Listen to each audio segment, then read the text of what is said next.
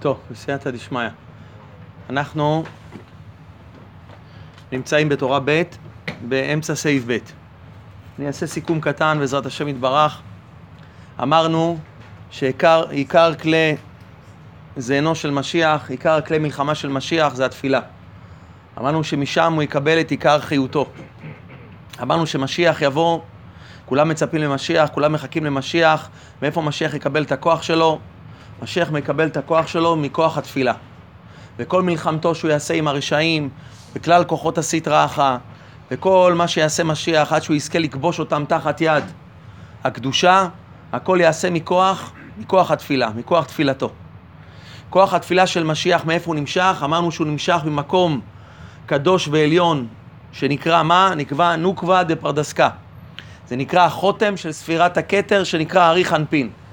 זה, זה מקום כזה בשמיים, מקום כזה מאוד מאוד גדול, ששם הכל זה רחמים וחסדים גמורים. שם לא מגיע שום, שום רע, לא מגיע לשם שום קטרוגים, לא מגיע לשם שום קלקול, זה הכל רחמים גדולים וחסדים גמורים. אמרנו שהרבנו הביא את הזוהר הקדוש, שמהנקב השמאלי שבו, מנוקבה דה פרדסקה, נמשכת רוח חיים למשיח. בא רבנו ומסביר לנו מה זה נוקבה דה פרדסקה, מאיפה משיח יקבל את הכוח. בסדר, זה בקבלה, זה בזוהר, נוקבה דה פרדסקה. איך אני מוריד את זה לנקודה שלנו, לעולם הזה? אומר רבנו שזה הערת התפילה. המשיח יקבל בעצם את כל הכוח שלו, זה מכוח התפילה. הוא יהיה דבוק מאוד בתפילה, ועל ידי זה הוא יקבל כוח וכוח וכוח וכוח.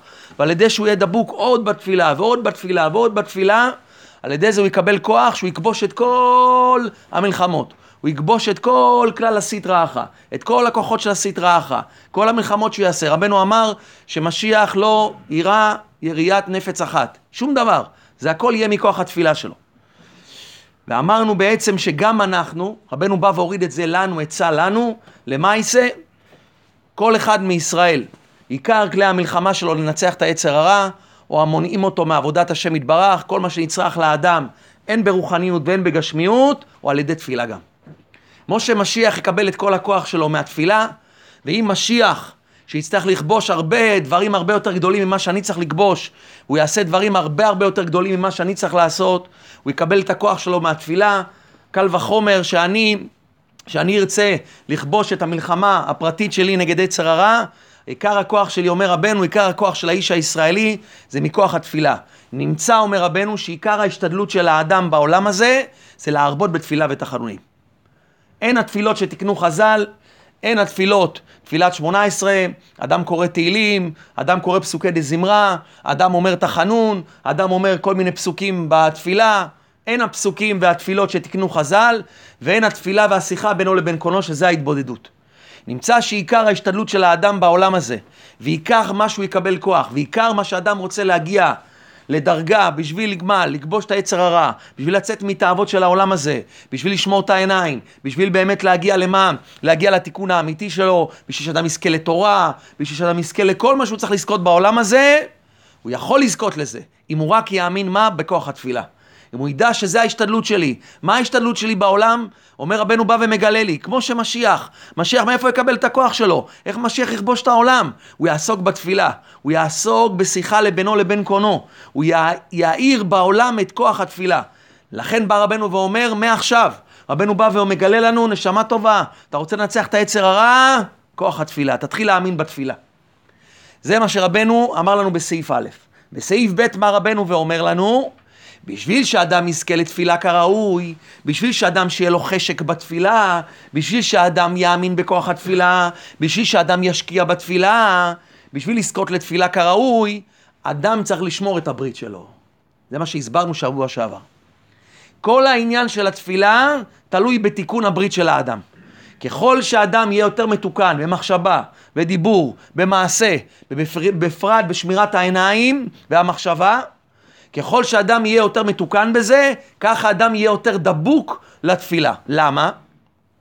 מה זה ברית? קדושת הברית. ברית זה חיבור וקשר בינינו לבין השם יתברך. מה זה עיקר התפילה? עיקר התפילה זה גם חיבור ודבקות לשם יתברך. לכן כמו שברית, מה זה המילה ברית? הברית זה מה? אני קוראת ברית. ברית הכוונה חיבור, קשר. תפילה, מה זה תפילה? מה עיקר התפילה? למה אנחנו מתפללים? בשביל חיבור ודבקות בשם יתברך. לכן התפילה היא תלויה בברית, בשמירת הברית. לכן אם אדם זוכה לשמור את עיניו ואת מחשבתו, אדם זוכה על ידי זה להרגיש את השם יתברך בתפילה. כי באמת העוונות של האדם, ועיקר הפגם הברית, הוא יוצר את המסך שמבדיל בינינו לבין השם יתברך. אז אומר רבנו ככה, משיח יקבל את כל הכוח שלו מהתפילה. אבל איך הוא יזכה לתפילה? ממה? איך הוא זכה לתפילה? על ידי שמירת הברית. אותו דבר אתה. אדם רוצה לזכות למה? לכוח התפילה, אדם רוצה לזכות לדבקות בשם יתברך, זה שמירת הברית. וזה בעצם אנחנו למדנו בשתי השיעורים הראשונים. בא רבנו ואומר, אני ממשיך, ויוסף ששמר את הברית, נטל את הבכורה. יוסף, על ידי שמירת הברית של יוסף שהייתה בשלמות, יוסף הצדיק זכה לשלמות, לשלמות, שלמות שמירת הברית, לכן הוא מה? הוא נטל את הבכורה, שהוא בחינת עבודת התפילה.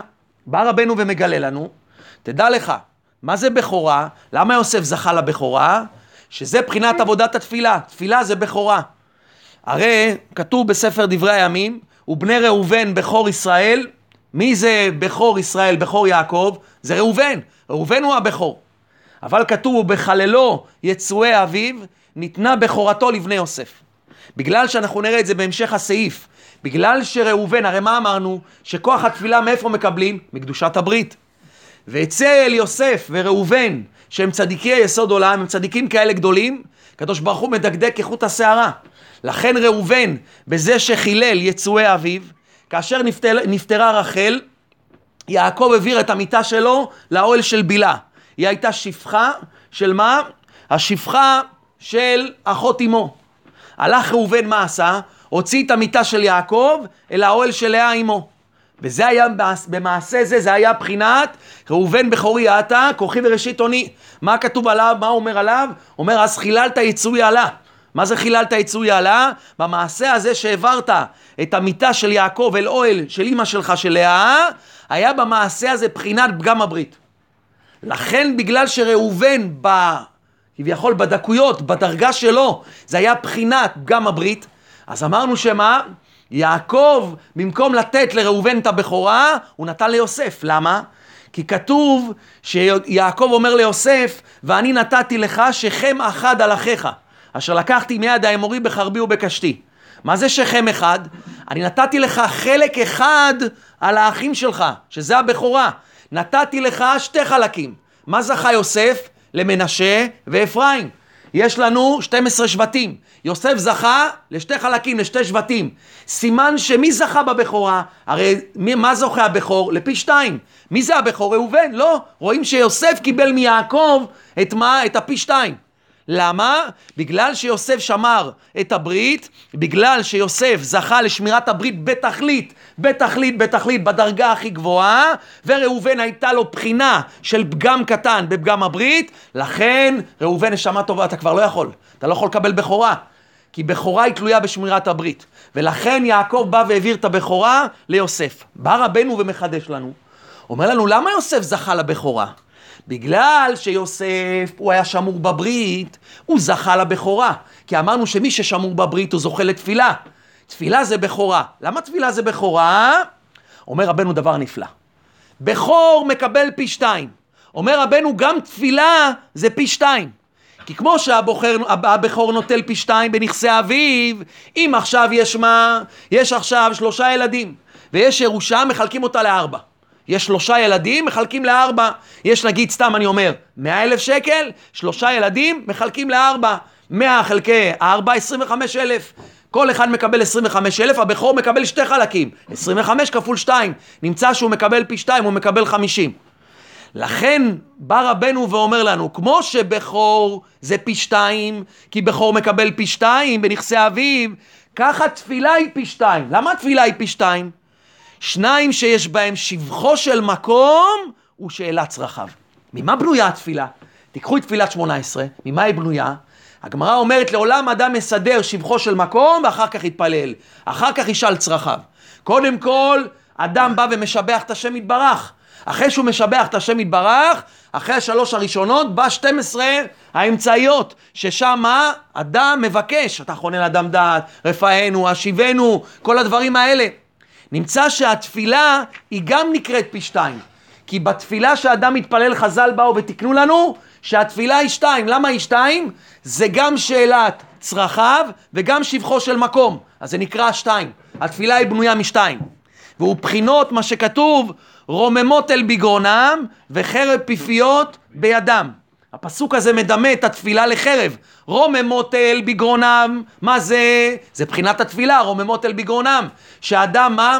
מרומם את השם יתברך, משבח את השם יתברך בגרונם, על ידי הפה, על ידי הגרון שלו, זה בחינת התפילה. וחרב פיפיות בידם.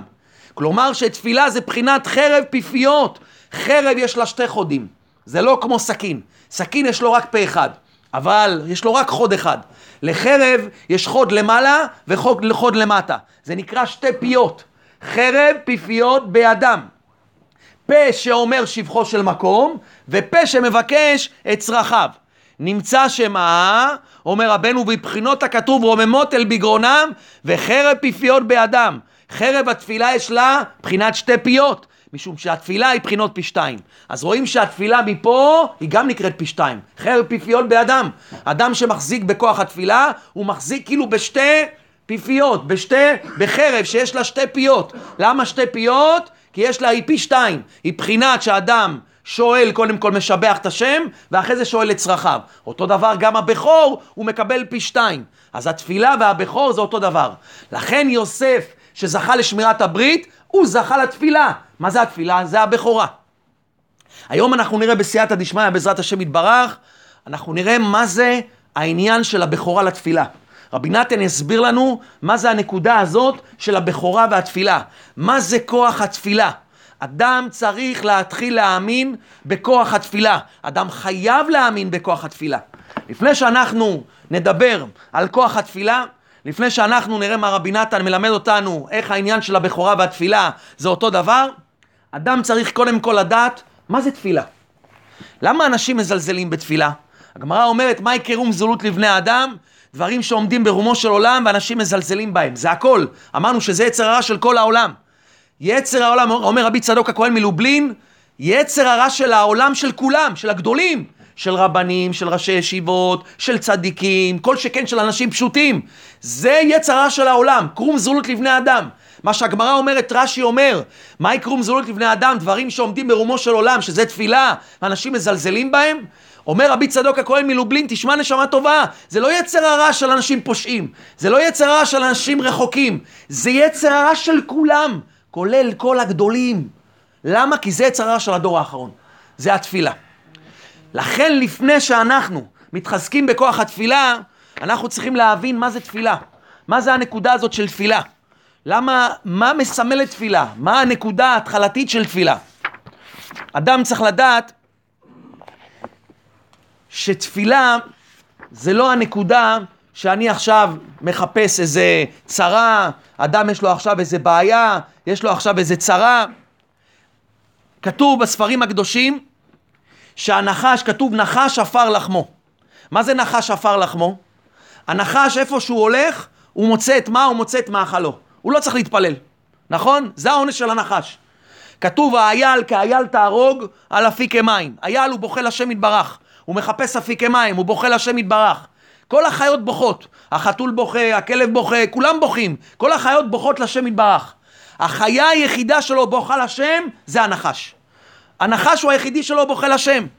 כתוב ונחש עפר לחמו, מאכל מזומן לו כעפר, הוא לא צריך להתפלל. כתוב בספרים הקדושים, הנחש הוא הטיל זוהמה, במי? באדם הראשון, הוא הטיל בחווה זוהמה. הוא הטיל בנו זוהמה. הוא הכניס בנו את הקליפה שלו. מה זה הקליפה שלו? אנחנו כמוהו. אנחנו לא מתפללים לשם. אדם זה גם, הוא היחידי שלא בוכה לשם, הוא יודע להסתדר לבד. זה קללת הנחש. הוא חושב שמזונותיו צובעים לו אהב. אדם לא מסוגל להתבטא לשם יתברך, הוא לא מסוגל לבקש מהשם יתברך. זה סוד התפילה, זה סוד הביטול. שאדם מבוטל לקדוש ברוך הוא משפיע, משפיע מה? משפיע אין סוף סוף שפע. למה אדם לא יכול לעמוד לפני השם יתברך ולהתפלל? זה קללת הנחש. יש זוהמת הנחש שנכנסה בכל אחד מאיתנו. אני מסתדר לבד. לא צריך להתפלל. למה צריך תפילה? תפילה מחפשים את מה? את המניין הכי קצר, מחפשים רק להעביר את התפילה, מחפשים רק לעשות וי בתפילה. בא רבנו ואומר לנו, תדע לך, נשמה טובה. מה שהאדם לא עומד לפני השם יתברך ומתפלל, זה בגלל שכתוב, רבנו אומר, שבדור האחרון לפני שמשיח יבוא, תיזל אפיקורסות מהשרוולים של החסידים. ככה רבנו אומר. מהשרוולים של החסידים. מה זה אפיקורסים חסידים? זה אנחנו. אפילו אנשים ששומרי תורה ומצוות, תיזל להם אפיקורסות מתוך השרוולים. מה זה אפיקורסות מתוך השרוולים? שאדם לא יכול לעמוד לפני השם. הוא מתפלל שתיים וחצי דקות עמידה. הוא לא יכול להתפלל זמירות לאט לאט. הוא אומר עכשיו איזה ברכה, הוא מברך, הוא מברך כלאחר יד. הוא מחפש את מה? מחפש את המניין הכי קצר. אדם לא יודע שהתפילה היא גבוהה מאוד, שכל העולמות מה? תלויים בה. שכל כך קשה לנו להוציא את האותיות מהפה שלנו, קשה לנו להאמין שהאותיות האלה יעזרו לנו, כי זה קללת הנחש. זה נחש עפר לחמו. כמו הנחש שלא מתפלל, הוא לא רוצה להתפלל, הוא לא צריך להתפלל. אומר רבנו תיזהר, יש קליפת נחש. זה זוהמת הנחש, היא נכנסת בך. לכן אדם לא מאמין. הוא לא מאמין שהאותיות האלה יעזרו לו. הוא לא מאמין לזה. הוא לא מבין שהאותיות האלה נמשכות מעולמות תמירים ונעלמים, ששם זה כל השפע. שורש כל השפע גבוה עד מאוד, זה בכוח התפילה, ובני אדם מזלזלים בהם. כשאדם מתפלל, מרגע שאדם עומד להתפלל, הוא כבר חושב מתי תיגמר התפילה. כשהוא בא להתפלל הוא כבר מסתכל מה? יואו, איזה חזן עלה היום. יואו, איזה חזן, מה זה החזן הזה? זה חזן שהוא מתפלל לאט. יואו, היום אנחנו נגמור עשר דקות יותר מאוחר. כשאדם בא להתפלל כבר מה הוא מחפש? הוא, הוא מחפש כבר מה? להתפטר מהתפילה. אם הוא מאחר לתפילה הוא שמח. שמח. הנה, ברוך השם, איחרתי, אז מה נשאר לנו? רק עמידה? נשאר רק זה? תמיד הוא רוצה לבוא מה? בדיוק ברגע האחרון. למה? תדע לך, זה נחש עפר לחמו. זה זוהמת הנחש. קיבלנו את הקללה הזאת, את זוהמת הנחש, לכן אדם רוצה להתפטר מהתפילה. מתפטר מהתפילה, הוא רוצה מה? הוא רוצה כבר מה? הוא רואה את החזן, אומר איזה פח, נפלנו לפה, מה עשינו? אם הייתי יודע שיש מניין כזה, הייתי הולך לשטיבלח, הכל. תשימו לב, המניינים הכי טובים היום, זה המניין של פלג המנחה, שעושים מנחה וערבית ביחד. מנחה וערבית, אחד האחד פלוס אחד, 25 דקות אתה בחוץ.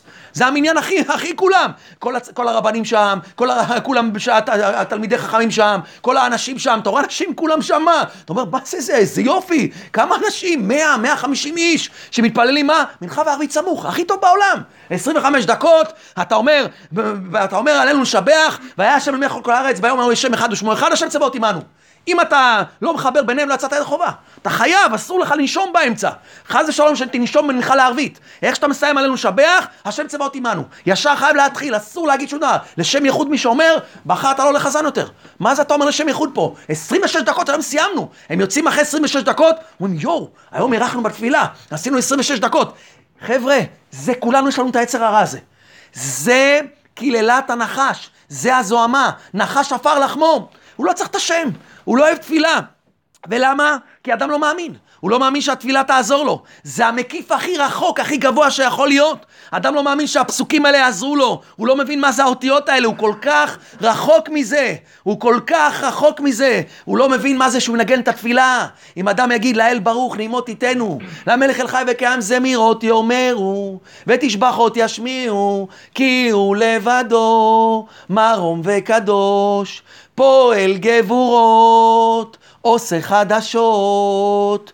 אתה פועל גבורות באותו שנייה, עושה חדשות, בעל מלחמות. זורע צדקות, זה הניגון, יש ניגון לתפילה, זורע צדקות, עכשיו זרעת צדקה, זרעת צדקות, מצמיח ישועות, תצמח את הישועות עכשיו. אם היית מאמין בתפילה, אבל אתה לא, זה קללת הנחש, הוא לא נותן לך.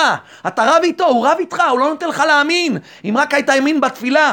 אדם מה אומר? תשמע, לפחות אני לומד תורה, לומד גמרא, בסדר, זה גמרא אחרת, זה, זה דפים אחרים, אבל בתפילה אותם מילים כל יום, כל בוקר אותם פסוקי לזמרה, זה נקרא כל כך רחוק שזה יעזור לי. מה המילים האלה יעזרו לי? הפסוקים של פסוקי לזמרה יעזרו לי? מה, הם ימסרו לי את כל השפע ברוחניות?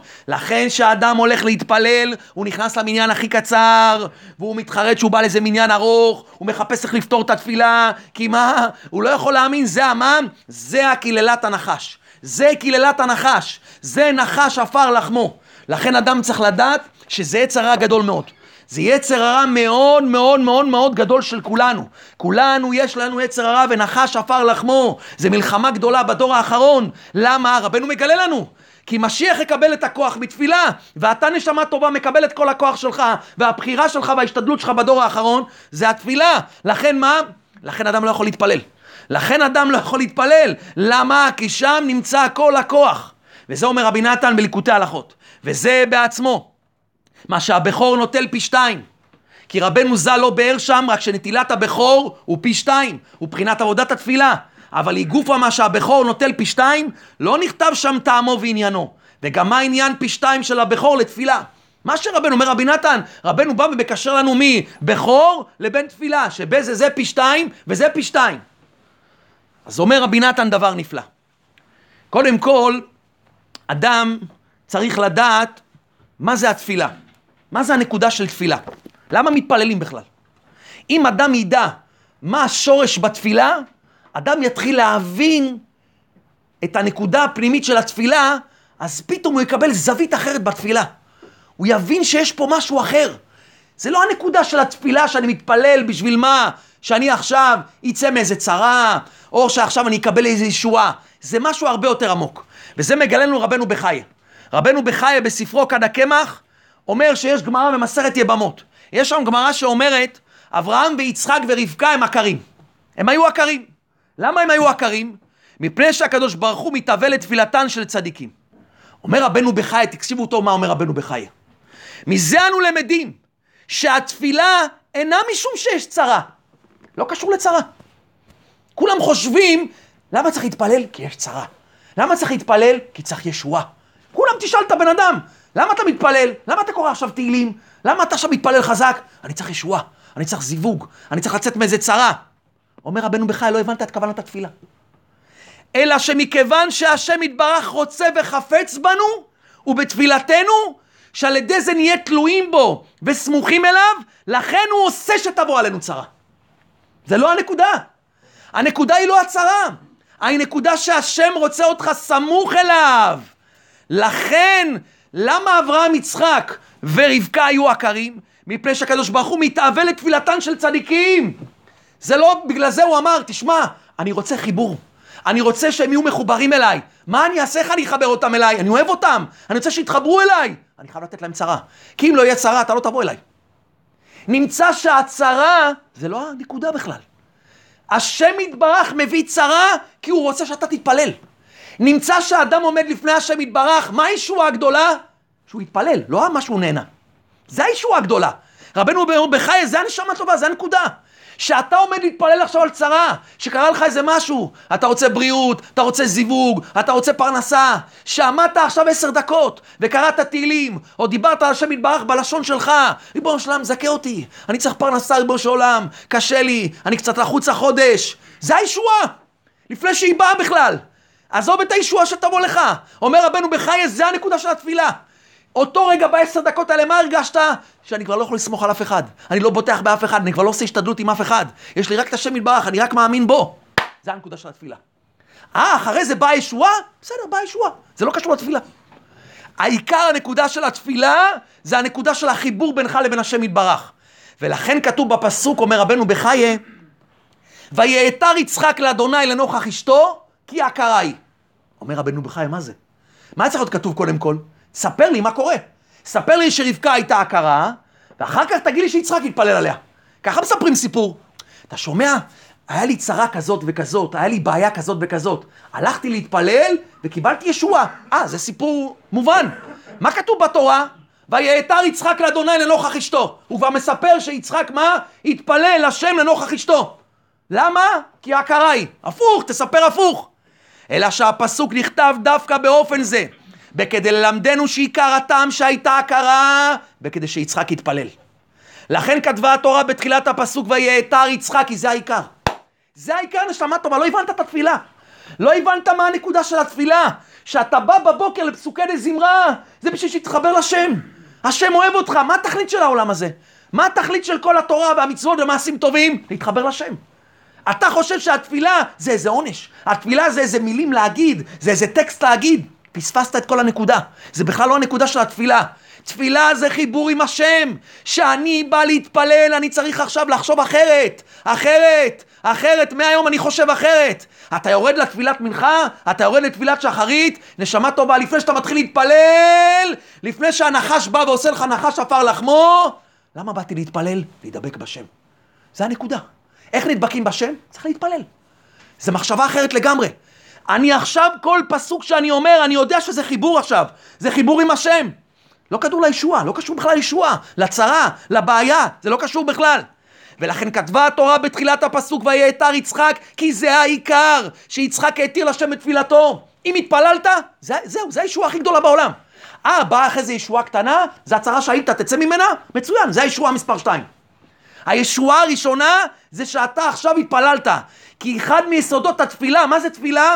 זה להבין שהאדם כולו תלוי אך ורק בחסד השם יתברך וברחמיו.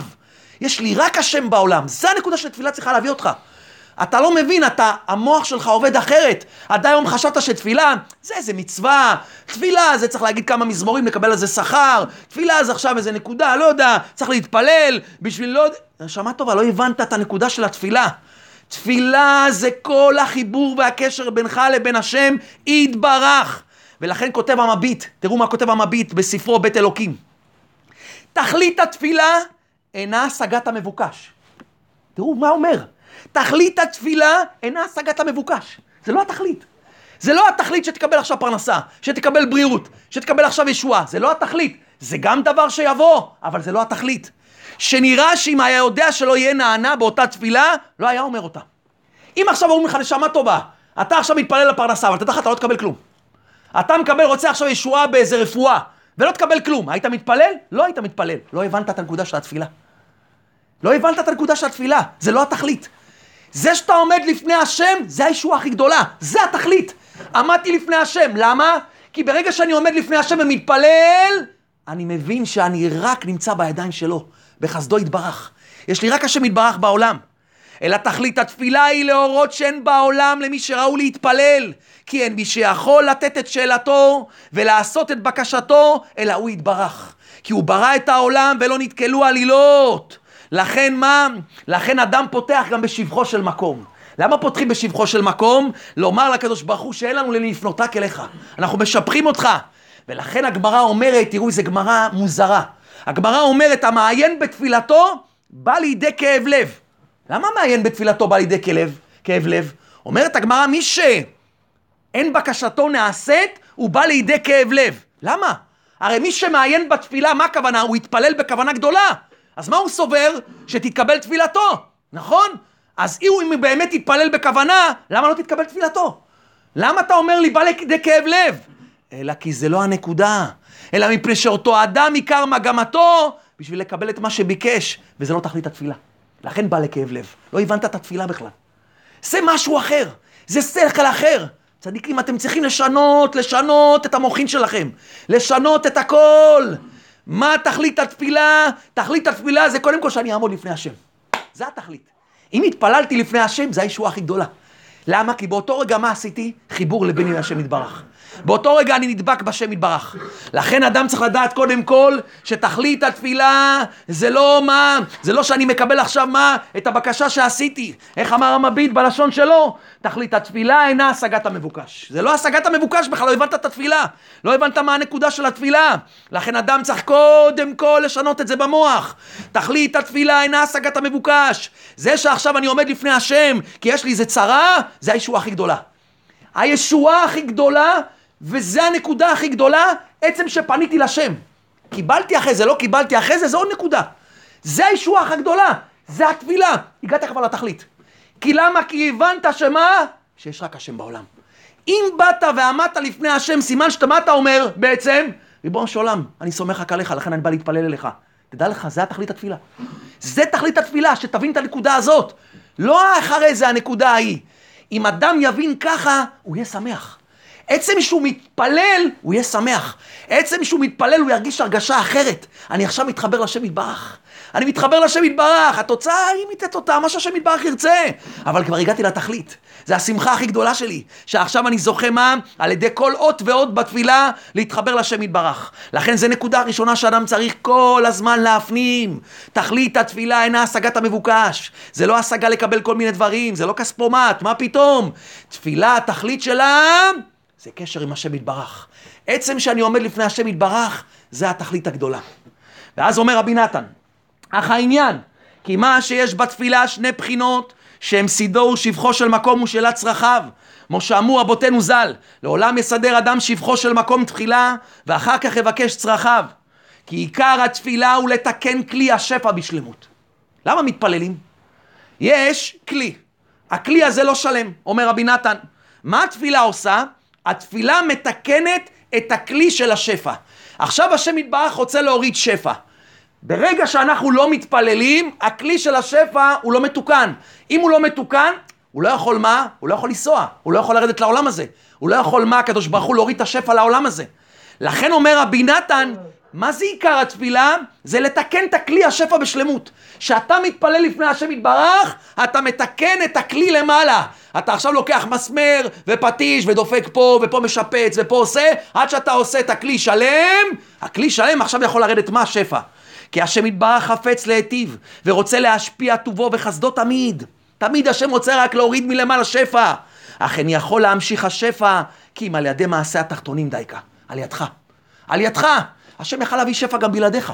בלעדיך הוא יכל, אבל הוא צריך אותי? הוא לא צריך אותי. אבל הוא טבע טבע בבריאה שזה ככה יהיה. אין שפע, לא יורד שפע אם אתה לא תבקש. אם לא תבקש, לא תתקן את הכלי, אתה צריך לתקן את הכלי. לא השם יתברך. אתה מתקן את הכלי, אתה מוריד את השפע. דהיינו על ידי בני ישראל שנתן להם הממשלה. נשמה טובה בוא תראה מה זה כוח התפילה, אתה בידך ממשלה. אתה מה קובע? יש ממשלה באתגליה, מה שאתם רואים היום, יש ממשלה באתקסיה. אתה יכול להיות שר הפנים, אתה יכול להיות שר האוצר, אתה יכול להיות ראש הממשלה. חושבים שראש הממשלה זה ההוא שם, ואתה בכלל ראש הממשלה. כי הממשלה זה בידך, אתה מוריד את השפע בעולם. אתה קובע בעולם מה יהיה. אתה קובע אם יהיה עכשיו יוקר, מחיה, או יהיה הפוך. אתה קובע אם יש שפע בעם ישראל בגשמיות ורוחניות, זה הכל אתה. אומר, רבן, אומר רבי נתן, שנתן להם הממשלה, למי? לעם ישראל, לך. על ידי שיתקנו כלי השפע בשלמות, על ידי תפילה כתיקונו. ועיקר שלמות התפילה, בא רבי נתן והולך צעד קדימה, אומר, אתה יודע איך מתפללים? אני אלמד אותך. צריך שתי דברים בתפילה. שהם אחד, שהם שתיים. עיקר שלמות התפילה, עיקר שלמות התפילה, הוא על ידי אמונה. כי אמונה היא בחינת תפילה. כמו שכתוב, ויהי ידיו אמונה. מה תרגם אונקלוס? פריסן בצילו. ויהי ידיו אמונה, משה רבנו במלחמת עמלק, הרים ידיים, ויהי ידיו אמונה. מה זה ויהי ידיו אמונה? מה, הידיים שלו אמונה? אומר אונקלוס, פריסן בצילו. תפילה זה אמונה. אדם רוצה לזכות ליראת שמיים, תפילה. אדם, אדם מתפלל, יש לו יראת שמיים. תפילה זה אמונה. מה הכוונה תפילה קשורה לאמונה? והאמונה צריכה להיות שלמה בכל הבחינות, עכשיו רבי נתן מסביר לנו. בשביל שהתפילה תתקבל צריך אמונה. אמונה שמתחלקת לשתיים. כי עיקר הכלי שנשלמת על ידי דיבורי התפילה או על ידי האמונה השלמה, שעיקר הכלי לקבל כל טוב. דבר ראשון אומר רבי נתן, מה האמונה דבר ראשון? שצריך שיהיה לו אמונה שלמה בשם יתברך, שהוא בורא הכל, הוא מנהיג, מושל, הוא משגיח, הוא בידו לשנות את הטבע כרצונו ולהשפיע כל טוב.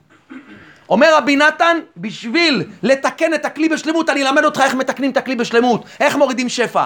צריך אמונה, אמונה שמתחלקת לשתיים. אחד, אתה צריך להאמין בשם יתברך, שאתה עומד לפני השם.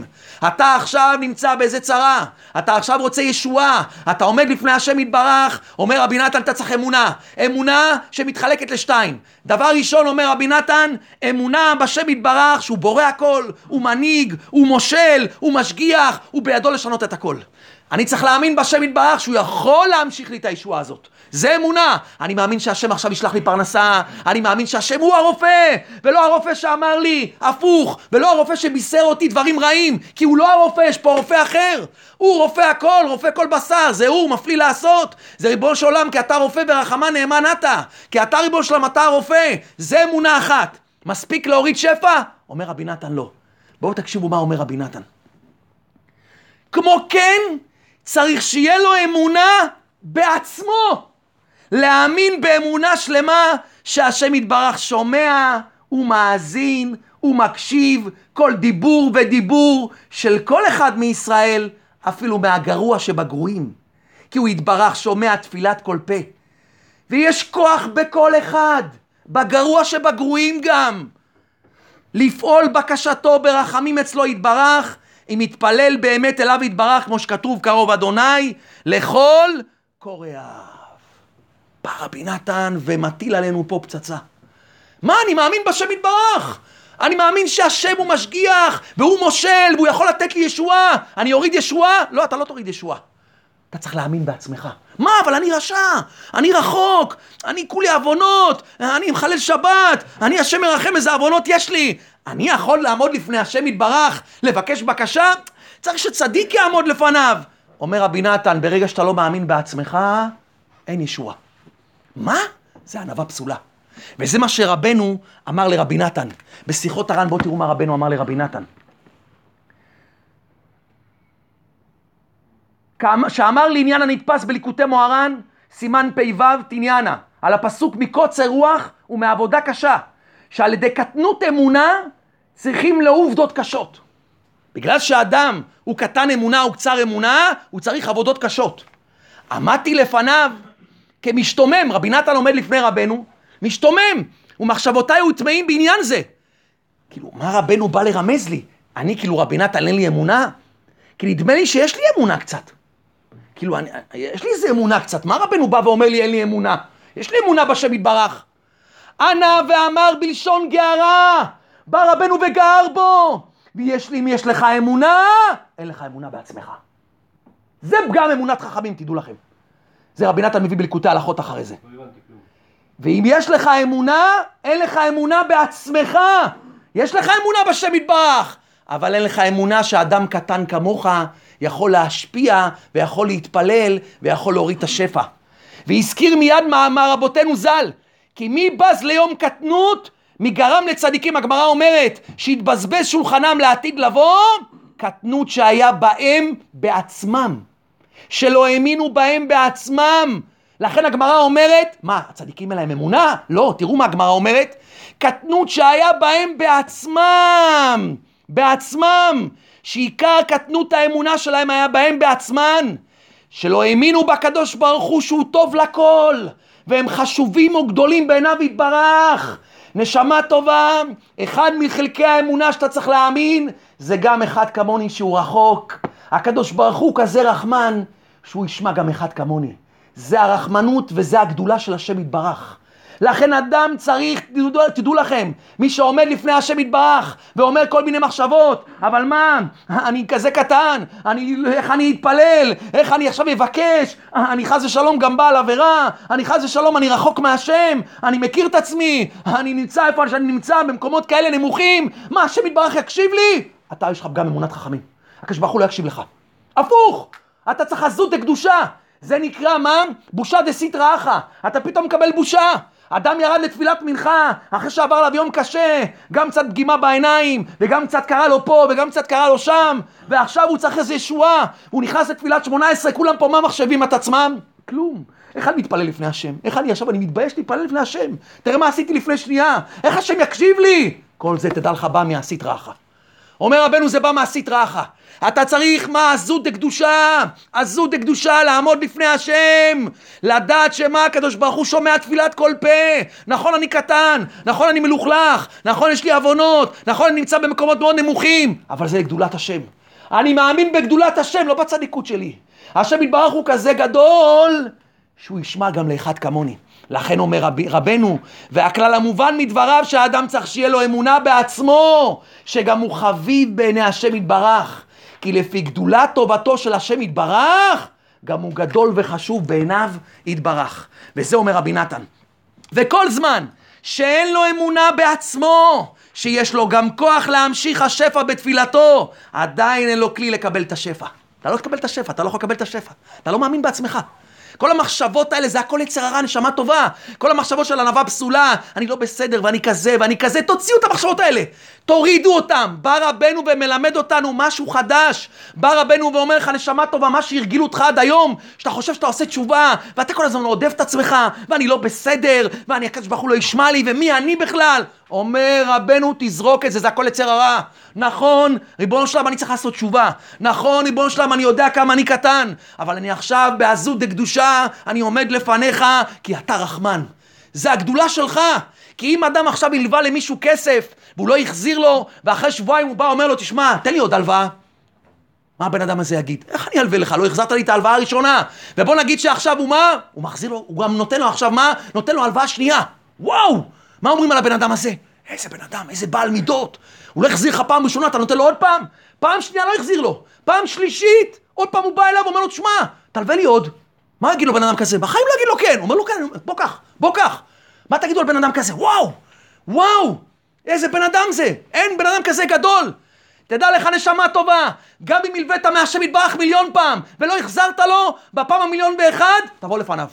כי הוא השם יתברך, הוא רחמן, הוא השם, בשביל זה הוא השם, הוא אין סוף רחמים, הוא אוהב אותך, רק תעמוד לפניו, תאמין בזה, תאמין בזה שהשם גם שומע אותי, נכון? רבו שלם, אני לא אוהב את המצב שלי, אני לא מסכים עם המצב שלי, ואני גם אעשה תשובה על זה, אבל רבו שלם, מה אני אעשה? זה המצב, קשה לי בדור הזה, קשה לי לשמור עיניים, קשה לי לעשות מה שצריך לעשות, אבל ריבונו של עולם, אתה אבא שלי, ורק אליך אני יכול לפנות, זה נקרא עזות דקדושה. אומר רבי נתן, אם אדם לא מאמין בזה, הוא לא יכול להוריד את השפע. שאינו מאמין בעצמו, שתפילתו עושה רושם. אתה לא מאמין בזה, אתה חושב שרק צדיקים הקדוש ברוך הוא שומע להם, זה לא נכון. הקדוש ברוך הוא שומע לכל אחד. על כן עיקר התהוות הכלי על ידי התפילה להמשיך ולקבל השפע ולפעול בקשתו, או על ידי שלמות האמונה בכל הבחינות. צריך שתיים, שתי אמונות. אמונה שמתחלקת לשתיים. אחד, תאמין בשם יתברך קודם כל, שהוא מושל, שהוא מנהיג, שהוא יכול לתת לי את הישועה, שהוא יכול להוריד לי את כל הניסים, את כל הישועות, את כל הברכות עכשיו. זה אחד. זה לא מספיק אבל, אומר רבי נתן. תאמין בעצמך, אני הקטן, כן. שעומד בהתבודדות עכשיו, ומבקש עכשיו ישועה. אני צריך להאמין שהקדוש ברוך הוא עכשיו מפנה את כל העיסוקים שלו, הוא מסתכל למטה על אחד קטן כמוני, והוא שמח בי. והוא שמח בי, הוא חנון ורחום ושומע תפילת כל פה. ובשביל זה צריכים לסדר שבחו של מקום תחילה, ואחר כך לשאול צרכיו. כי על ידי סידור שבחו של מקום, נתחזקה האמונה. לכן אומר רבי נתן, קודם כל בתחילת התפילה מה עושים? מתחילים לשבח את השם. לשבח את השם, לשבח את השם. ריבונו של עולם, אתה גומל חסדים. אתה, ריבונו של עולם, קונה הכל, זוכר חסדי אבות. על ידי זה שאנחנו מזכירים כל זה בשבחיו, כי זה עיקר שבחה, מה שבחה? מה זה שבח של השם? מה זה לשבח את השם? שהוא עושה מלחמות? שהוא יכול עכשיו מה? להרוג אנשים? זה לא השבח. כי עיקר שבחיו שמזכירים טובו וחסדו, כי זה עיקר גדולתו יתברך. זה הגדולה של השם. זה גדולת השם, גדולת השם שהוא כזה רחמן. ככל שאתה תגלה את הרחמים של השם יותר, זה הגדולה שלו יותר. ככל שהקדוש ברוך הוא, אתה מוצא את הרחמנות היותר גדולה שלו, זה גדולת השם יותר. ועל ידי זה אומר רבי נתן, על ידי זה שאני אומר, השם רחמן, השם הוא גומל חסדים, אפילו לאנשים כמוני. מה זה אומר רבי נתן קורא לי באותו שנייה? אני מתחיל להאמין בתפילה שלי. אני אומר, תשמע, הקדוש ברוך הוא גם ישמע לי. הוא גומל חסדים טובים לכולם, שומע תפילת כל פה, גם לי הוא ישמע. ועל ידי זה נתחזק ליבו להתפלל בלב שלם אליו יתברך על צרכיו. כי על ידי זה נתחזק אצלו האמונה בעצמו, שירחם גם עליו. שירחם גם עליו, ישמע תפילתו, וישפיע לו כל טוב, כאשר שמע את תפילת אבותינו, ושמע את כל התפילות. ועל ידי זה נעשה לנו כלי לקבל את השפע. אז אתה עושה כלי. אז אתה עושה כלי שאתה מאמין בעצמך. ולכן אומר רבי נתן, אם תשימו לב, בתפילת שמונה עשרה, בסיום שאלת צרכיו, איזה ברכה מסיימים? בברכת שומע תפילה. למה שומע תפילה? כי זה עיקר שלמות התפילה. כי אתה שומע תפילת כל פה. זה העיקר, זה שלמות לקבלת השפע, זה שלמות הכלי, שאתה מאמין שהשם שומע תפילת כל פה, גם אחד כמוני. אז על ידי זה מה? על ידי זה אני מתחזק, שגם אחד כמוני השם יקשיב לי. התחזקת באמונה בעצמך, תיקנת את הכלי. עכשיו יכול לרדת שפע. אומר רבי נתן, לכן אדם צריך מה? אמונה ששימה שהיא שתיים. היא פי שתיים. אחד, אני קודם כל מאמין בשם יתברך, שהוא מה מושל, הוא מנהיג, ויכול להוריד אין סוף שפע. שתיים, אני מאמין בעצמי. אני מאמין בעצמי שאני מה? שאחד כמוני יכול גם מה? יכול להוריד שפע. ואז רבי נתן אומר, וזה בחינת בכור. למה בכור? מה קשור בכור לתפילה? תראו איזה רבי נתן נפלא זה. בא רבי נתן ואומר לנו, בכור זה תפילה. למה בכור זה תפילה? אומר רבי נתן דבר נפלא. עכשיו יש בן אדם שבא אליך ואומר לך, חבר טוב, אומר לך, תשמע נשמה טובה, אני חייב לספר לך איזה סיפור. מה? אל תשאל, עכשיו היינו פה בזמן של חנוכה, ונכנסתי קצת לחובות, וחזר המשכנתה, והבנק התקשרו אליי, ואל תשאל, ואני במינוס, ואני לא יכול מה, לא יכול לשלם את זה. אמרתי, מה אני אעשה? נהיה כבר מה? שש אלף שקל כבר מה? חוב, אני לא יודע מה לעשות, מאיפה אני אקח כסף? הוא אומר, אל תשאל, אתה לא מאמין מה קרה לי. הוא בא ואומר לך, תשמע, הלכתי לשדה, הלכתי להתבודד, הלכתי לאיזה קבר של צדיק, עמדתי בתפילת שמונה עשרה בשומע תפילה, התחלתי לבקש מהשם, ריבונו של עולם. קודם כל אני מאמין שמה? אני מאמין שאתה, ריבונו של עולם, אתה המושל, אתה המנהיג, אתה המפרנס, אתה קובע את הכל. ואני גם מאמין שמה הקדוש ברוך הוא תשמע לתפילת אפילו בן אדם כמוני. והתחלתי להתפלל מעומק הלב, הוא מספר את זה לחבר שלו. ואז הוא אומר, אתה לא מאמין, גמרתי את התפילה, סיימתי את התפילה, גם הורדתי כמה דמעות, ואז הלכתי לביתה שלי. אמרתי, בוא שולם, אתה תעשה מה שאתה תעשה, אני עשיתי את ההשתדלות שלי. הוא אומר, לא עובר שעתיים, חמי מתקשר אליי בטלפון. שלום, חנוכה שמח, חג שמח, הכל טוב ויפה. החלטנו אני ואשתי לתת לכם דמי חנוכה. כמה? שש אלף שקל, הוא אומר. שש אלף שקל מעבירים לכם לחשבון. הוא אומר, אנחנו החלטנו לתת לכם מה? דמי חנוכה. מה קרה באותו שנייה? ששמעת את זה, מה זה קרה לך? באותו שנייה ששמעת את הסיפור של החבר, מה זה גרם לך? גרם לך פתאום להאמין בתפילה. בא רבי נתן ואומר דבר נפלא. מה זה בכור? אדם שמתפלל פעם ראשונה ורואה נס, כמו אותו אדם שהתפלל שהמשכנתה חזרה לו והיה לו חובות וחמיב עכשיו הכניס לו שש אלף שקל לחשבון, מה זה גרם לו באותו שנייה? שאם עוד חודשיים יקרה לו איזה בעיה, אם עוד חודשיים יקרה לו עכשיו איזה צרה, מה הוא יגיד? אה, הקדוש ברוך הוא ישמע אותי, לא ישמע אותי. מיד מה הוא ייזכר? הוא ייזכר בתפילה הראשונה. נמצא שהתפילה הראשונה שהוא נענה בה, נתנה לו כוחות להתפלל בפעם השנייה. אותו דבר בפעם השלישית, בפעם הרביעית.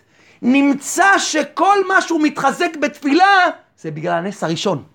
מה זה הנס הראשון? זה הבכור. הבכור זה הראשון.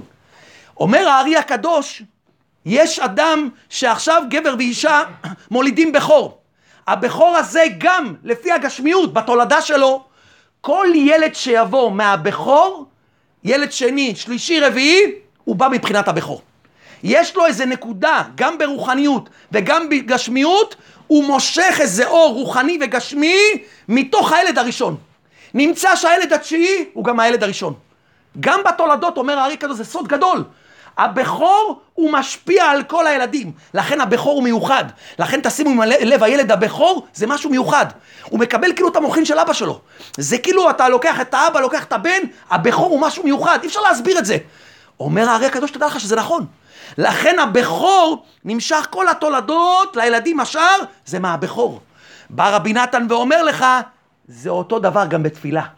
כמו שבתולדות הבכור נמשך הולדת הבכור, כל ההולדות וכל ההשפעות, הכל נמשכות מה? הכל אחרי זה הילד השני, השלישי, הרביעי, חמישי, העשירי, כל הילדים האלה באים ממה? מכוח הבכור. אומר רבי נתן אותו דבר. ועל כן הולדת הבכור נמשך מבחינה זאת, מבחינת הפעולה הראשונה שפועל איש ישראלי על ידי תפילתו. אותו דבר יש את התפילה הראשונה שלך, זה התפילה שהיא הבכור שלך. שראית פעם ראשונה נס, שעכשיו אדם בא והתפלל השם והלך להתבודד, ופתאום ראה נס גלוי, הוא פתאום ראה שהשם יתברך עונה לו, עונה לו ממש בשנייה, אחרי שעתיים הוא עונה לו. מה קרה לו באותו שנייה? הוא התחזק. אז גם אם יקרה לו אחרי זה צרה, גם אם יקרה לו אחרי זה בעיה, הוא יפנה עוד פעם לשם יתברך. נמצא שמה חיזק אותו? התפילה הראשונה, שזה הבכור. לכן אומר רבי נתן, ועל כן הנוטה לבכור פי שניים, כי עיקר בחינת זאת מקבל הבכור, שהוא בחינת פעולה הראשונה, שפועל על ידי תפילתו. שאז היה צריך להתחזק ביותר להאמין בעצמו, כי בפעם הראשונה שאתה רוצה ללכת לשדה, קשה לך, כי לא ראית עדיין נס. בפעם הראשונה שעדיין לא ראית את השם יתברך עין בעין, קשה לך ללכת להתפלל. קשה, תגיד עכשיו לבן אדם, בוא תתפלל, תשמע, אתה תראה ניסים, בוא תתבודד, בוא תעשה שעה התבודדות, בוא תתבודד. לא, קשה לי, תשמע, וזה, וקשה לו, בפעם, בפעם הראשונה זה מאוד קשה, הוא צריך מאוד להתחזק. יצא שבפעם הראשונה שהוא הלך, שהיה לו צרה, היה לו קשה מאוד להתחזק ללכת. אבל למרות זה אומר רבי נתן, התחזק ביותר להאמין בעצמו, למה? מאחר שעדיין לא ראה שום פעולה על ידי תפילתו. הוא לא מכיר מה זה תפילה, הוא לא מכיר מה זה התבודדות, הוא לא מכיר שהתפילה זה ניסי ניסים. אבל אחר כך שכבר פעל פעולה הראשונה בתפילתו, הוא כבר ראה ניסים, הוא ראה הבן אדם הזה בחנוכה, איזה נס חנוכה, שהכניסו לו עכשיו כסף, הוא אומר, מה זה? השתבח שם הולד. אז היכול בנקל להתחזק, בכל פעם להאמין בעצמו. עכשיו בן אדם מאמין בעצמו. מאמין בעצמו, הנה, תשמע, נכון, אני לא צדיק, אבל תראה, הקדוש ברוך הוא עשה לי ישועה. איך הקדוש ברוך הוא שמע לי, איך הקדוש ברוך הוא ענה לי, איך הקדוש ברוך הוא הביא לי כאלה ניסים, כאלה ישועות, המשיך עליי כאלה ברכות, נמצא שפתאום אתה מאמין בעצמך, אתה מאמין בתפילה שלך.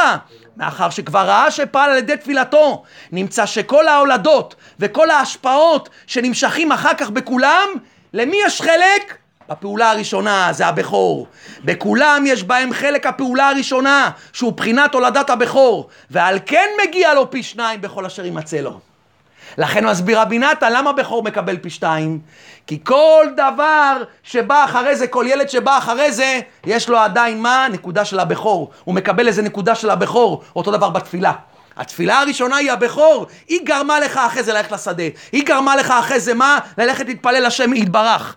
לכן אדם צריך להתחיל להאמין בתפילה שלו, להאמין בתפילה שלו. השם שומע תפילת כל אדם. יש גמרא לפעמים אדם, יש לו מחשבה כאילו הקדוש ברוך הוא, רק תפילות של צדיקים, אבל אנשים כמוני, אני צריך איזה נס עכשיו, איך עכשיו אני אתפלל? מה, הקדוש ברוך הוא ישמע לי? שימו לב, יש גמרא במסכת בבא מציאה, תראו איזה גמרא נפלאה. הגמרא שם אומרת שהחוכר שדה מחברו. מה זה חוכר שדה מחברו? אדם לקח עכשיו שדה בשביל לאבד אותה, בסכום קצוב לשנה. הוא עכשיו לוקח שדה מאיזה מישהו, אומר לו, תשמע נשמה טובה, אני נותן לך סוף השנה 50 אלף שקל. מה אכפת לך? אני נותן לך 50 אלף שקל. מה מעבר לזה? אני לוקח את זה. אבל אתה מקבל בסוף שנה 50 אלף שקל. אני חוכר שדה מחברו. ראובן בא לשמעון, חכר שדה משמעון. אומר לשמעון, תשמע, אני סוף השנה נותן לך 50 אלף שקל. מה שיוצא עם יותר מזה, אני קיבלתי. זה נקרא מה? שדה שאתה חוכר. אומרת הגמרא, פתאום היה מכת מדינה. נשדפה, באה הרבה. בא הרבה עכשיו חסיל, בא איזה מין הרבה עכשיו, בא עשה עכשיו מה? מכת מדינה, כל השדות, בא אכלו את כל השדות ההרבה, והכל נרקב והכל נהרס. אומרת הגמרא, החוכר, הוא פטור לשלם לו את החמישים אלף שקל. למה? כי זה מכת מדינה.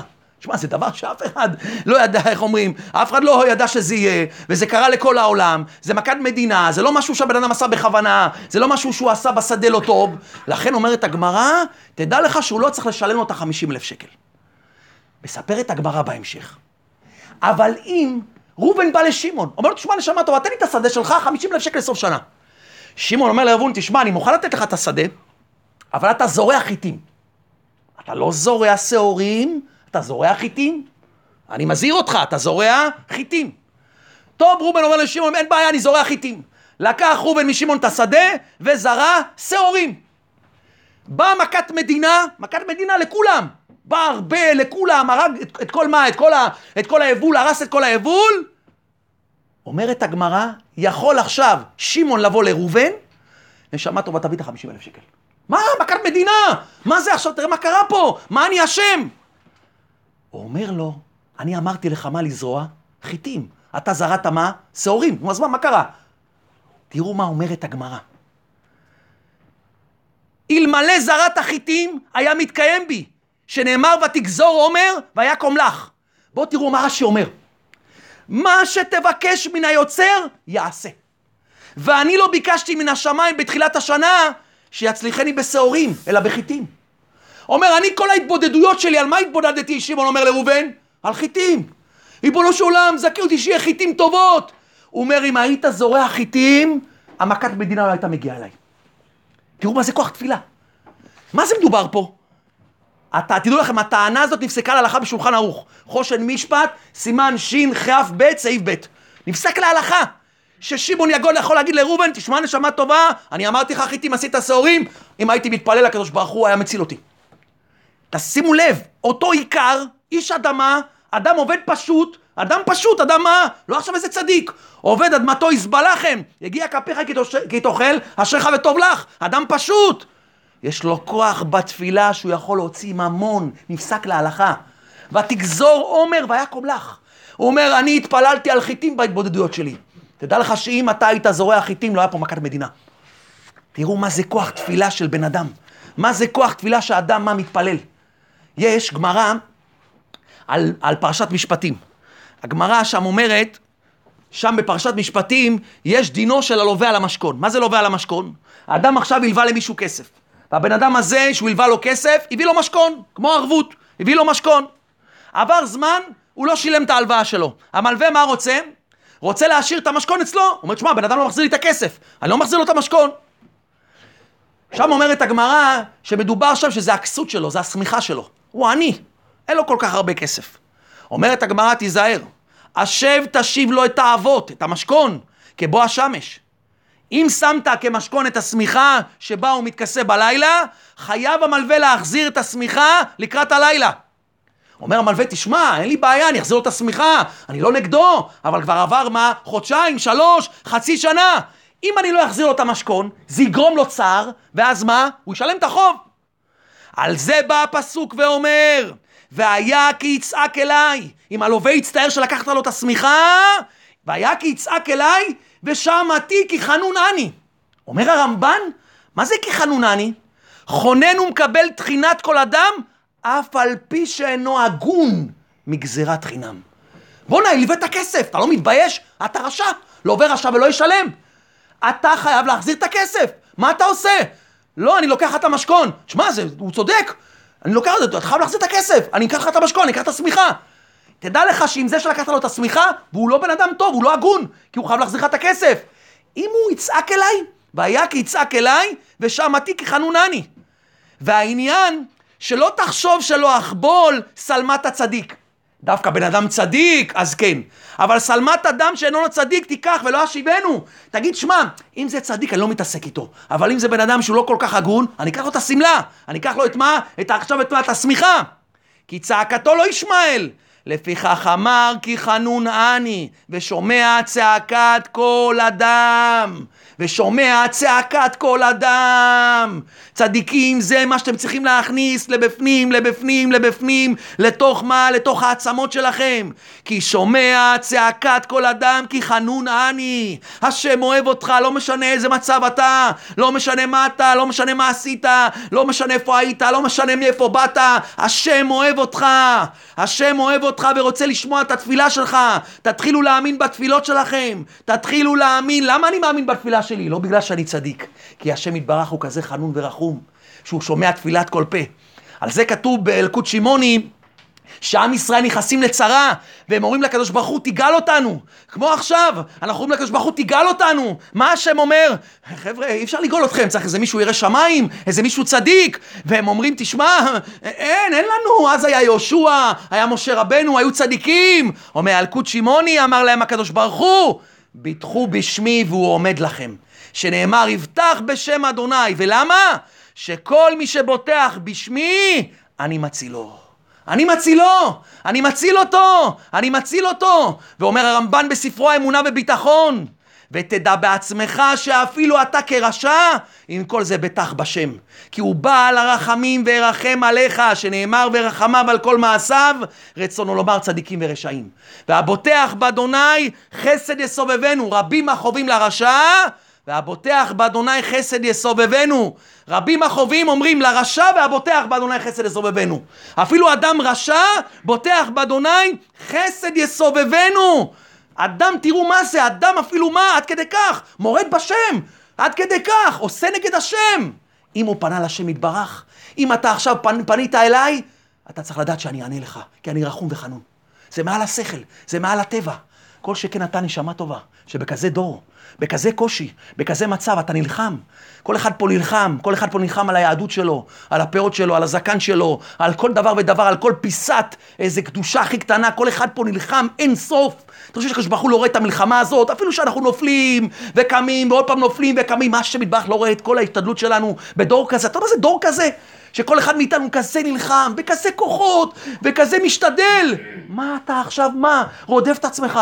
מה אתה עכשיו אומר כל מיני דברים לא טובים על עצמך? שאתה עומד בתפילה לפני השם עם ביטחון, עזות קדושה. ריבונו שלום, אני יודע שאני מה? אני החייב, אבל אתה רחום וחנון. לכן אתה שומע לי, אני מאמין שתשמע לי, אני מאמין שתשלח לי פרנסה, אני מאמין שתיתן לי ישועה, אני מאמין שתיתן לי, כן לי, כי אתה כזה חנון ורחום, וזו הגדולה שלך. לא הגדולה שתשמע לצדיק, זה לא גדולה, הגדולה שתשמע לאחד כמוני. אומר המדרש, עד כדי כך, תשימו לב מה אומר המדרש. כתוב על פרעה, אומר המדרש רבה, הקדוש ברוך הוא בא לפרעה, תשימו לב מה הקדוש ברוך הוא בא למשה, השכם בבוקר, אומר הקדוש ברוך הוא למשה, השכם בבוקר והתייצב לפני פרעה. למה השכם בבוקר? למה בהשכמה? אומרת הגמרא, לאחר שהקדוש ברוך הוא מצפה לרשעים שיעשו תשובה ואינם עושים, אפילו הם רוצים באחרונה, הוא נוטל את ליבם שלא יעשו תשובה. אפילו רשעים רוצים לעשות תשובה, הקדוש ברוך הוא לוקח להם מה? לוקח את ליבם שלא יעשו תשובה. ומהו חנפי לב? אותם שהם באים ומחניפים בראשונה בליבם, הוא מביא, מביא עליהם את האף באחרונה. מביא להם מה? את האיסורים ואת הכעס באחרונה. ומהו? לא ישבעו כי יעשרם, אף על פי שהם רוצים לשוב לקדוש ברוך הוא, ובאים לעסוק בתפילה, אינם יכולים, כי הקדוש ברוך הוא נעל בפניהם את התפילה. מה זה קשור לפרעה? תראו מה אומר הקדוש ברוך הוא למשה. התייצב בבוקר, השכם בבוקר, תדע לך, אם פרעה יקדים אותך, יכול להיות שהוא יצעק אליי. אם הוא יצעק אליי, אני חייב לשמוע לו. פרעה! פרעה, כזה רשע! אומר המדרש, השכם בבוקר. משה, אני אומר לך, שלא תקום לי בעשר מחר, תכוון שעונים. תכוון פה שעונים שיעירו אותך, לא יודע מה תעשה. תכוון את השעונים, תשים ארבע תרנגולים בבית, לא יודע מה תעשה. תקום בבוקר. אם פרעה יקום בנץ, אם פרעה יקום עכשיו בעלות השחר והוא יתפלל לפניי, תדע לך מה, יכול שאני אקבל את התפילה שלו. תגיד לך, זה נראה לך הגיוני? כל הרואה יטמע, אומר מה? מה אכפת לשם יתברך מתפילת פרעה? הרשע, איזה כוח יש לו לפעול? מכאן ראיה שאפילו פרעה, אפילו אחד כמוני פרעה, שיש בו קליפת פרעה, שאני נשמע, נראה כמו פרעה, שהמעשים שלי כמו פרעה. אפילו אחי, אחי, אם אני אבוא לשם יתברך, אם אני אתפלל לפני השם יתברך, הוא יכול לפעול איזה דבר. לכן מנע אותו השם יתברך, שהוא לא יוכל להתפלל. לכן אומר רבי נתן, אחרי כל מה שהוא אומר, תראו מה הוא אומר. אבל עדיין צריכים יגיעה ועבודה גדולה, להיות חזק באמונה זאת בשלמות, להאמין בעצמו. אומר רבי נתן, אני יודע שגם אחרי כל מה שדיברתי איתך פה בשיעור, וכל הדיבורים האלה, וכל הכוחות שהוצאתי בשבילך, עכשיו אומר רבי נתן, אני יודע שזה עדיין קשה, כי אתה לא תאמין בעצמך. כי זה העץ הרע הכי גדול בעולם. כי יש כמה מיני חלישות הדעת בלב האדם בעניין זה, כאשר יודע כל אחד בעצמו, ורוב בני האדם נדמה להם שהוא אין לו כוח לזה, ואני כן מתחזק בתפילה, אני יכול להתפלל, אני אתפלל, זה תדע לך, זה ענווה פסולה, ענווה פסולה, כי אז עדיין לא ראה שום פעולה על ידי תפילתו, אבל שזוכה להתגבר בכל כוחו להתפלל בכוונה. אדם יש לו אמונה בשתי, בשלמות, אמונה בשם ואמונה בעצמו. על ידי שהוא מתפלל הוא זוכה מה? הוא זוכה לישועה. וזה רבנו פעם סיפר סיפור, אמר תראו מה זה, איך אדם צריך להתפלל. רבנו סיפר, תראו, זה, יש בסיפור הזה, יש בזה אין סוף עומק. רבנו סיפר על מעשה משני נערים, שני נערים קטנים, שהיו אוהבים אחד את השני. שתי חברים, תחשבו שתי חברים עכשיו, ילדים פשוטים, נערים, בני 15, בני 16, אוהבים אחד את השני, כזה אוהבים אחד את השני, חברים טובים, כל הזמן, מילדות הם חברים טובים. יום אחד, אחד מהחברים, לא עלינו ולא עליכם, נחלש, נפל למיטה, נפל לחולי כבד, היה בצער גדול החבר שלו, מה אני אעשה? מה אני יכול לעשות? מה אני אעשה שיבריא חברי? אומר רבנו, אומר, הוא שואל, מה אני יכול לעשות שהחבר שלי יבריא? בא, פתאום הוא קורא, מה? הוא אומר, תשמע, אמירת תהילים. אמירת תהילים, יש בזה כוח. מה עשה החבר? אומר רבנו, לקח את התהילים. הוא בתמימות התחיל לומר תהילים, תמימות! תמימות אומר רבנו. שיר למעלות, אשא עיניי אל ההרים. אמר ארבע מילים, אומר רבנו. מסתכל על החבר שלו, תגיד לי, דוד, אתה בריא או לא בריא? מה, אתה נורמלי? ארבע מילים אמרת. כן, הוא האמין בזה. אומר רבנו, הוא האמין בזה, תמימות. הוא קרא עכשיו תהילים, שיר למעלות, אשא עיניי אל ההרים, חמש מילים. נו, שמעון, אתה מבריא או לא מבריא? מה קורה איתך, שמעון? ככה הוא אומר לו. הוא אומר ככה כמה פעמים. הוא ממשיך את המזמור. אשא עיניי אל ההרים, מאין יבוא עזרי, עזרי מעם אדוני, עושה שמיים וארץ. נו שמעון, היית צריך כבר לקום, לרוץ פה. מה זה, התהילים, אמרתי כבר שתי פסוקים. יכול שאתה לא קם? אומר רבנו, הבחור הזה, הנער הזה כל כך האמין בתפילה שלו. והיה כך כמה פעמים. ואמרו שעדיין הוא חולה. הוא שואל אותו, מה עדיין חולה? הוא אומר עוד, ואומר עוד. הוא אומר, עד שהייתה לו רפואה בשלמות. הוא אומר, הנער, אחרי שעה תמימה, שהוא קורא תהילים וקורא תהילים וקורא תהילים ומאמין ומאמין ומאמין, אומר, הנער קם. קם, לא האמינו. לא האמינו מחלושות גדולה כזאת. וכל מה שסיפר רבנו ז"ל בזה, הורה לנו דרך התפילה בתמימות. צדיקים, זה הכל תמימות ופשיטות. יצר הרע עובד עלינו בעיניים. השם רוצה תמימות, שצריכים אנו להתפלל ולהתפלל בתמימות. תמימות. אתה עומד בתפילת שמונה עשרה כמו ילד קטן. הבעל שם טוב אמר, אחרי כל הכוונות וכל הדברים וכל העולמות, כשאני נכנס לתפילת שמונה עשרה, אני נכנס כמו ילד קטן. השם שפתיי תפתח, ופי כי תהילתך. אתה בא לרפאנו? תאמין ברפאנו. תאמין, תגיד בתמימות. רפאנו השם ונרפא. אני אספר לכם על עצמי, קרה לי יום אחד, הרגשתי לא טוב, לא טוב, לא טוב, הרגשתי בבוקר מה זה לא טוב. באתי לתפילת שמונה עשרה ברפאנו, אני אומר לכם, אני, לא, אני זוכר את היום הזה. התפללתי רפאנו אולי איזה חמש דקות, רק רפאנו. מילה במילה, רפאנו, השם ונרפא. כל אות כיוונתי בתמימות ובפשיטות, מה שרבנו אומר פה. לקחתי את רבי נתן בתמימות ובפשיטות. ורפאנו לאט לאט. אני אומר לכם, אתם לא מאמינים. סיימתי תפילת שמונה עשרה, אומר אחרי כמה דקות, השתחרר לי הכל, לא יודע, אותו יום, הרגשתי שאני הולך להיות, מה זה חולה? אתה יודע שאתה מרגיש שאתה הולך להיות חולה, פתאום הכל עבר, הכל נפתר, הכל נגמר, ראית נס בעיניים. מה, בגלל צדיקות? לא בגלל צדיקות. אומר רבנו בתמימות, צריכים להתפלל בתמימות, צדיקים בתמימות, תאמינו בעצמכם, בגלל הגדולה של השם, לא בגלל הגדולה שלנו. השם הוא כזה גדול, בתמימות ובשיטות, עד שתימשך הישועה.